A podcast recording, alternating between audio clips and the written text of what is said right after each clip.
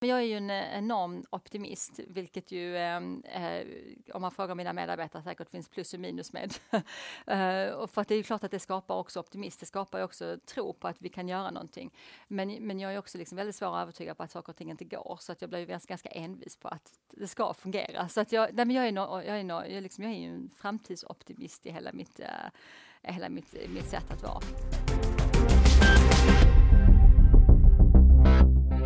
Helene Barnekow, Sverigechef Microsoft med toppjobb på en, ett rad antal olika IT-bolag och techbolag, bland annat Telia Sverige och Sony Ericsson. Och så Kalle Hultenheim. Ja, och jag är så glad att få vara med här. På plats hos Microsoft idag, Lisa. Precis, så att även om det är vi som är gästerna så säger jag välkommen till Voice-podden, Helene. Tack så hemskt mycket och väldigt kul att ni är här hos oss idag. Vi är fortfarande mitt uppe i coronapandemin. Hur ser du att det påverkar Microsoft och eh, vilka hot och möjligheter eh, finns det för Sverige? Ja, nej men att vara mitt uppe i den här eh, pandemin gör ju en ganska ödmjuk, för det finns väl ingen som är opåverkad eh, någonstans, eh, tänker jag. Och det är ju precis som du säger, både hot och möjligheter. Och en sak som, eh, som är uppenbart efter de här två månaderna, det är ju att, att digitaliseringen har ju påskyndats ytterligare i, skulle jag säga, hela Sverige. Så att vi har ju skippat många månader i många företag som hade tagit annars för att komma igenom vissa steg som nu man har gjort på extremt kort tid. Eh, vilket jag tror är en enorm möjlighet både för offentlig och privat sektor faktiskt som vi ska hålla i. Och sen är det självklart en, en, en riktigt negativ sida på detta, inte minst i många av de branscher som är speciellt utsatta. Och de som, man, som först klart drabbades var ju resebranschen, men eh, restaurangbranschen, eh, vissa delar av detaljhandeln. Det är ju en extrem impact och vi är inte klara än, det kommer ju komma mer. Och det är ju extremt negativt givetvis eh, med varsel som läggs och projekt som behöver stoppas och investeringar som inte kan göras. Så att det finns, det finns en plussida och det finns en, en, en negativ sida av detta. Och jag tror att, eh, att fokusera på, både för oss som företagare och, och jag tror rent politiskt och, och för landet, att fokusera på de möjligheter som, som då skapas med, eh, med digitaliseringen och med att vi faktiskt accelererar. Och, och den kanske andrum som ibland blir, att faktiskt satsa ännu mer, att investera bakom det, att till exempel utbilda personal som vi vet, Kalle, saknas i branschen, mm. att ta den här chansen att faktiskt att investera bakom det. Så det finns ju alla möjligheter i Sverige skulle jag säga att komma ut i en, i en lite, lite ny skepnad av detta som, som jag är väldigt sugen på att vi gemensamt tar. Mm. Ser, ser, du en risk, eh, Helena, att, att eh, det, det, finns ett sånt otroligt behov kortsiktigt så man får ett för kortsiktigt perspektiv? Ja, den tror jag är, det är kanske det som också är baksidan av myntet på, på kriser, att, eh, att man blir ju så och det har, jag, har vi också varit, och kanske ni också varit, liksom man gick in och bara kände nu måste vi hjälpa nu. Det är denna veckan man behöver hjälp på det stället, eller denna veckan vi måste göra det nu. Två veckor är det för sent. Mm. Så speciellt, jag skulle säga de första fyra, fem veckorna så var vi otroligt bara här och nu. Vi måste gå in och fixa. Uh, och jag tror att, det, att nu är man ju, uh, nu går man, jag känner att man har gått in lite grann i nästa fas, att man har lite mer visibilitet på vad som händer nästa vecka. Och jag tror allt eftersom de här faserna sätter sig så är det ju jätteviktigt att lyfta blicken och tänka, vad, hur ska det se ut? Hur ska det se ut om ett år? Mm. För vissa saker kommer inte, Nej. resandet kommer inte gå tillbaka, företagen kommer inte gå tillbaka och göra alla de fysiska mötena man gjorde innan, man kommer göra mer digitalt. Men vi kommer ju längta efter att få krama varandra. Jag längtar redan efter att få krama dig, Kalle. Så att det kommer vi att göra, ja. absolut. Mm. Men, men, det, är också, det är också intressant, för det du säger är ju också, det som har hänt är ju att de som har varit IT-kunniga i bolagen har ju också, vad jag upplever i alla fall, fått ta ett steg fram och få bli hjältinnor och hjältar. Mm. Eh, kan man nyttja nyttja det nya förtroendet man har fått så kan ju få en väldigt, väldigt positiv utveckling efter. Verkligen, och jag tror det är ett jätteviktigt ord som du äh, använder där, förtroende. För att i de här kriserna så har man ju verkligen en möjlighet att skapa förtroende mm. äh, för det man gör och, och hur det verkligen är fokuserat på att hjälpa en situation inte bara hur det är fokuserat på affärer, vilket man kanske är i vanliga Exakt. fall när allting går bra, utan nu är det ju verkligen ett tillfälle att skapa förtroende mm. för det mm. man gör för att, för att ha en mer långsiktig positiv effekt. Den tror jag är jätteviktig. Branschen IT och tech är ju väldigt brutal. Alltså det, det ser vi ju nu under coronapandemin att eh, det är, man, är man framgångsrik idag så kan man vara passé imorgon. Mm. Eh, vilka tips har du att man ska liksom, vara så nära som möjligt sina kunder?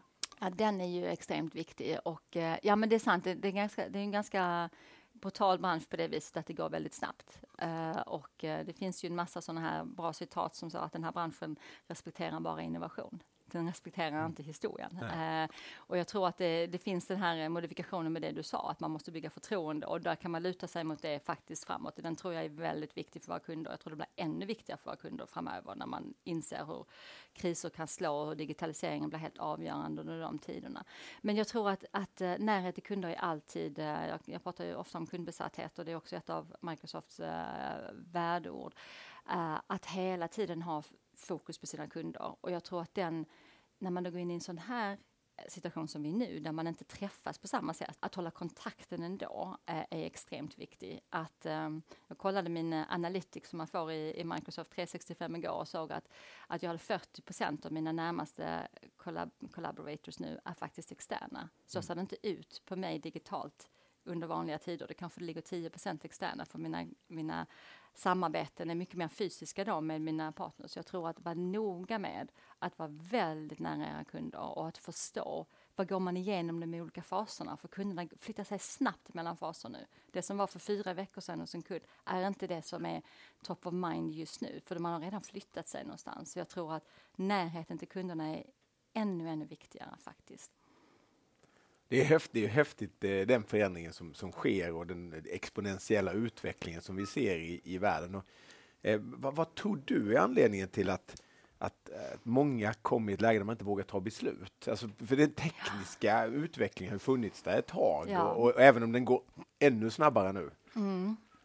Ja, men, ja, ja, det där är ju en sån otroligt bra fråga. Och på något sätt så är det ju en... Um, uh, det är kanske den mänskliga faktorn. Jag hade en, en hjärnforskare som förklarade för mig för ett par månader sedan att det handlar om amygdalan. att man, uh, man fortfarande är det här instinkten att backa och fly när det är någonting som är okänt och att den fortfarande sitter så starkt hos oss. Att, um, att, och, och, att att det ändå lutar sig mot någonting som man, som man vet har fungerat. Uh, och att därför så är det svårt att omfamna det här nya. Och dessutom när det kanske då skruvas upp och blir mer och mer tekniskt. Att vi, att vi kan känna att, att vi är färre och färre som förstår det. Uh, egentligen, om man ska luta sig mot kunskap av en massa andra som då kanske dessutom pratar nästan ett annat språk än vad jag är van att göra, eh, göra ibland. I, eh. så jag tror att det, det, har med det att göra och, och då eh, tror jag man kommer in på ännu mer det här att, att dels att man, jag tror, och det kommer lite grann tillbaka till din fråga också, att man, jag tror verkligen att organisationer som om man kan skapa en kultur där det verkligen är ett growth mindset, där det verkligen är där man hela tiden ställer frågan men varför och vad är nästa och, var, och hela tiden ha den mentaliteten. Då skapar man en möjlighet för att inte fastna i det här att man inte vågar. För då mm. finns det så mycket som bubblar i ens organisation. Gör man inte det så är det ju jättesvårt att ta de kliven. För då, då sitter man ju där med samma svar som man hade igår. Och den situationen har kanske aldrig varit farligare. Att besvara frågorna på samma sätt som vi gjorde igår. Det är kanske den största risken vi har just nu tror jag. Mm. När vi tittar bakåt i historien och så ser vi någonting linjärt ja. utveckling och så tänker vi att det ska fortsätta så och så är det exponentiellt. Och nu är det verkligen exponentiellt. Och det är klart ja. att det är ingen ja. som vet riktigt Nej. var vi är på väg. Eh, och så finns det rädslan utifrån ja, men, övervakning och mm. eh, privacy mm. och hur mycket diskuterar ni sånt? Jättemycket uh, skulle jag säga att vi gör. och det ligger ju också i, eh, det ligger ju många delar, det ligger dels i teknologin, hur man använder teknologin, men det ligger även komma tillbaka till det här med förtroendet, att, att våra kunder känner förtroende på att vi har koll på det där och att vi kan svara upp mot de förväntningar som, som sätts. Jag tror ju att eh, om man nu tittar på eh, hur världen ser ut och hur Europa har tagit ett sånt enormt, eh, ska man säga, de har ju verkligen tagit lead på det här med eh, det har ju också med våra demokratiska värderingar att göra, skulle jag säga, med privacy och övervakning och så vidare. Det tror jag ju att är för ett företag som Microsoft så tror jag det är ett enormt värde att vara så stora och så aktiva i Europa som man är och säga att det där, det där är viktigt. Uh, så att jag till och med gått ut och sagt att privacy is a human right mm. och att världen behöver GDPR. Mm. Och koppling till det så kan vi prata lite Cloud Act mm. som ju är, eh, innebär för många inom offentlig sektor, eh, kommuner, men kanske framför allt myndigheter, en svårighet att gå in i molnet. Um, vad, vad, hur ser du vägen framåt? Ja, nej men den där är ju uh, den är, ja, vi, vi kan komma, om jag ska bara göra en snabb kommentar på den så kan vi gå tillbaka till vad Cloud Act innebär. Um, den är absolut, den har ju dessutom, den rädslan har ju gjort att Sverige nu släpar efter i offentlig sektor betydligt. Uh, och det är inte bara så att man släpar efter mot uh, mot uh, större europeiska länder. Man släpper efter mot grannländerna. Alltså Danmark, Norge och, och Finland går ju mycket snabbare framåt. Uh, och det är, ju, um, det är ju allvarligt för Sverige, för man klarar, inte av att, ska, man klarar inte av att ha ett samhälle som inte är digitalt. Och det ser vi ju nu. och nu gör man ju många snabba saker som inte vi har kunnat göra tidigare. Eh, Cloud är ju eh, någonting som egentligen reglerar att amerikanska myndigheter kan be ut om information eh, i det fall att det finns domstolsbeslut på att det här är information som man ska kunna utkräva. Och det kan man ju vilka, egentligen mellan vilka länder som helst. Men det är egentligen det som Cloud eh, Eh, det betyder att, eh, och det, kom, det, kan ju även, det kan man ju även göra om det inte ligger i ett, i ett amerikanskt moln, så kan man givetvis göra det, för det finns ju sådana internationella överenskommelser. Men det här har ju hamnat ut i någonting som, in, som man vissa personer tolkar som att vem som helst kan gå och be ut om information av vem som helst, vilket ju man absolut inte kan göra. Uh, och Microsoft skulle aldrig lämna ut information till vem som helst. Det finns inte, komma tillbaka till förtroendet. Uh, det finns ju ingen affärsmodell kvar om vi skulle agera på det viset, för vi har ju bara en affärsmodell och det är ju cloud. Vi har ju inga andra intäkter överhuvudtaget. Eh, så att det är ju vår affärsmodell. Så att, eh, men, men den är extremt viktig att hantera. Vi har mycket samarbeten med olika kunder inom offentlig sektor just med det här. Vi har mycket legala diskussioner och samarbeten för att reda ut så man kan känna sig trygg. Många har ju gått i cloud, inte minst kommuner, eh, och man inser att man klarar inte av det om inte man, man gör det.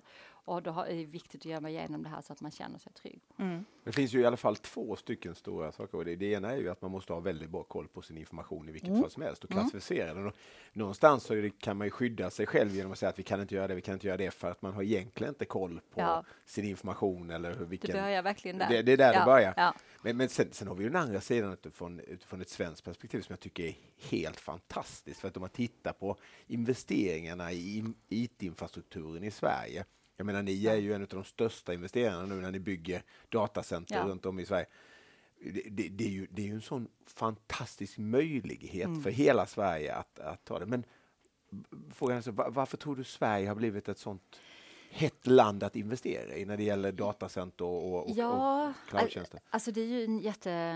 Uh, för nu är inte Microsoft först här på något sätt i att investera här i, av de stora. Så jag tror att dels så tror jag att när man när man började, man började jobba med att få hit datacenterinvesteringar. Bland annat norrländska kommuner började jobba med det tidigt. Ja. Med många frågor med eh, energifrågorna, naturlig kylning, eh, skattefrågor, det finns gott om land, det finns många sådana här saker. Eh, när Microsoft bestämmer sig vad man ska investera i datacenter så har man 35 olika parametrar som, som man mäter. Så det finns många olika parametrar i det och alla länder vill att man kommer att investera i princip. Så att det är alltid en, eh, en, en lång process för att välja ut. Eh, men där ligger allt ifrån närhet till kunder, hur marknaderna ser ut, men även politiska stabiliteter, eh, allt möjligt annat land förstås. I det här fallet så var ju en väldigt viktig, um, det här är en stor investering, vi har datacenter i många länder, men det här är en riktigt stor satsning. Eh, vi har faktiskt fyra ställen mellan Gävle, Sandviken och Staffanstorp. Och eh, en av parametrarna som var extremt viktiga här, det var ju att Microsoft ville göra sin design av sina nya datacenter vad gäller hållbarhetsmål och eh, effektiviteter. Så det här ska ju då vara datacenter som designas för att vara helt förnybar energi Uh, och det vi kallar zero percent uh, waste. Och där gick man in och gjorde ett, det här var innan jag, eh, innan jag började, ett uh, partnerskap med Vattenfall som eh, gav sig in i detta och sa att det stämmer överens med vår strategi. Vi vill jättegärna vara de som är med och gör eh, en, en sån dröm verklighet. Så att det som händer här är ju att man nu sätter den nya footprinten för hur det ska se ut och en del av hela Microsofts hållbarhetssatsning. Eh, så den är vi ju extremt glada för och vi är jätteglada för att det blir i Sverige. Mm. Både för Sveriges skull och för, för stora delar av Europa så är vi ju väldigt glada för det. Hur ser planen ut för de eh, datacenter som nu kommer att byggas i Sverige? Alltså, var kommer ni att leverera? kraft? Ja, vi kommer ju, vi kommer ju, alltså det kommer inte bara, det är så stort så det är inte bara för Sverige, men det är klart att det kommer bli, vi jobbar ju nu med ett antal svenska kunder som, som kommer vara våra första, eh, första i, eh, i de eh, datacenter, men det, kommer, det är mycket större än vad, vad Sverige, så att det kommer vara, det kommer vara många andra också. Vi har inte publicerat ännu exakt vilka tjänster som kommer när. Det kommer vi göra när vi kommer närmare, eh, något närmare än vad vi är nu. Eh, det går enligt plan, så just nu så är det ju, handlar det om fysiskt bygga dem. Eh, så om man, om man flyger över så kan man se hur stort det är.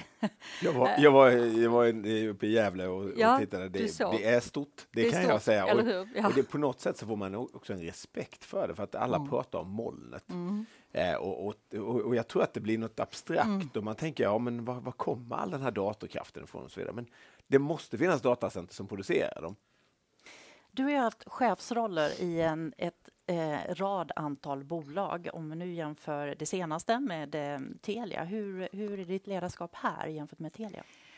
Ja, nej, Telia och eh, Microsoft är ju två väldigt olika företag. Eh, innan Telia så var jag ju på det som fortfarande var EMC, som sen blev Dell EMC, som ju var ett amerikanskt bolag. Eh, eh, och då jobbade jag i Boston, så det finns ju många, kanske fler lik likheter mellan det och Microsoft än vad det gör med, med Telia och eh, Eh, Microsoft. Men om man ska ta några skillnader där så tror jag att den, den ena är ju att eh, när man sitter på Telia, då, då var jag ansvarig för Telia Sverige-verksamheten, då sitter man ju med en enorm organisation med allt ifrån eh, de fysiska näten, infrastrukturbeslut, enorma capex-budgetar och en stor förändrings och en stor tjänsteaffär och så vidare. Så det är ju en, det är en, mycket, det är en, det är en bredd som, som är på ett annat sätt medan här är vi ju en del av en, en del av en stor koncern. Om vi nu är 600 personer i Sverige eh, så innebär ju inte det att om, om, vi, om vi gör en stor affär till exempel med, eh, ni kan många av våra stora svenska kunder, det är inget hemlighet, men H&M till exempel, då kan vi ha hur många personer som helst involverade som sitter var som helst i världen och, och kommer hit. Så ledarskapet här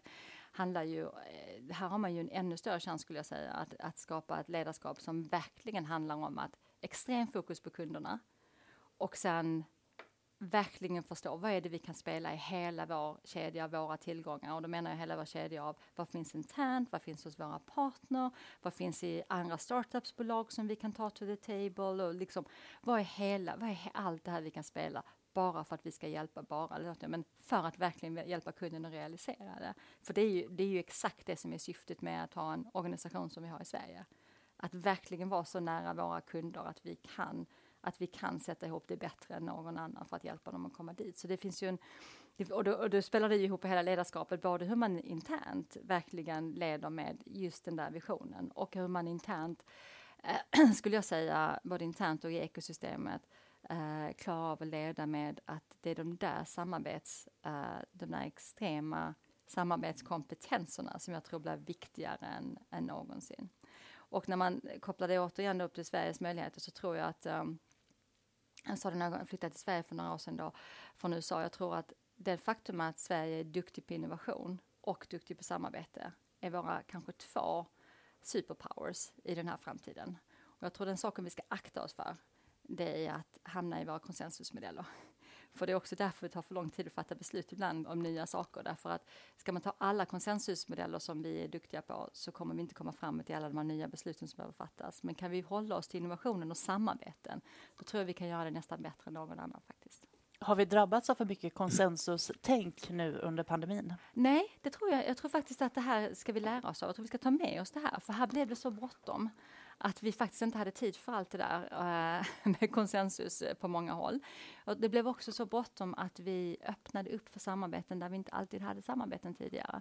Så om man ser samarbeten mellan offentlig sektor privat sektor, eh, personer som satte upp stiftelser på typ en vecka och bara fixade luncher och utrustningar och flög in saker och alltihopa. Alla de här som vi har lyckats koppla samman och connecta det tror jag vi ska ta med oss i, uh, in i det andra och inte gå tillbaka till vår konsensusbänk som jag tror ändå är ett rätt stort av vårt DNA. För samarbete och konsensus är inte samma sak. Och jag tror det är samarbetet vi verkligen ska försöka och uh, lägga, lä, lägga mer, mer, uh, mer fire på helt enkelt. Mm. Ja, och jag, jag tänker där när du pratar om, om att gå från det ena bolaget till det andra. Och liksom, är det någonting som har överraskat dig eh, i den nya rollen på, på Microsoft? Den nya och nya, ja, jag vet ja, att precis, du är varm i kläderna. Ja, um, nej, men um, när jag... Um, ja, det är en bra fråga.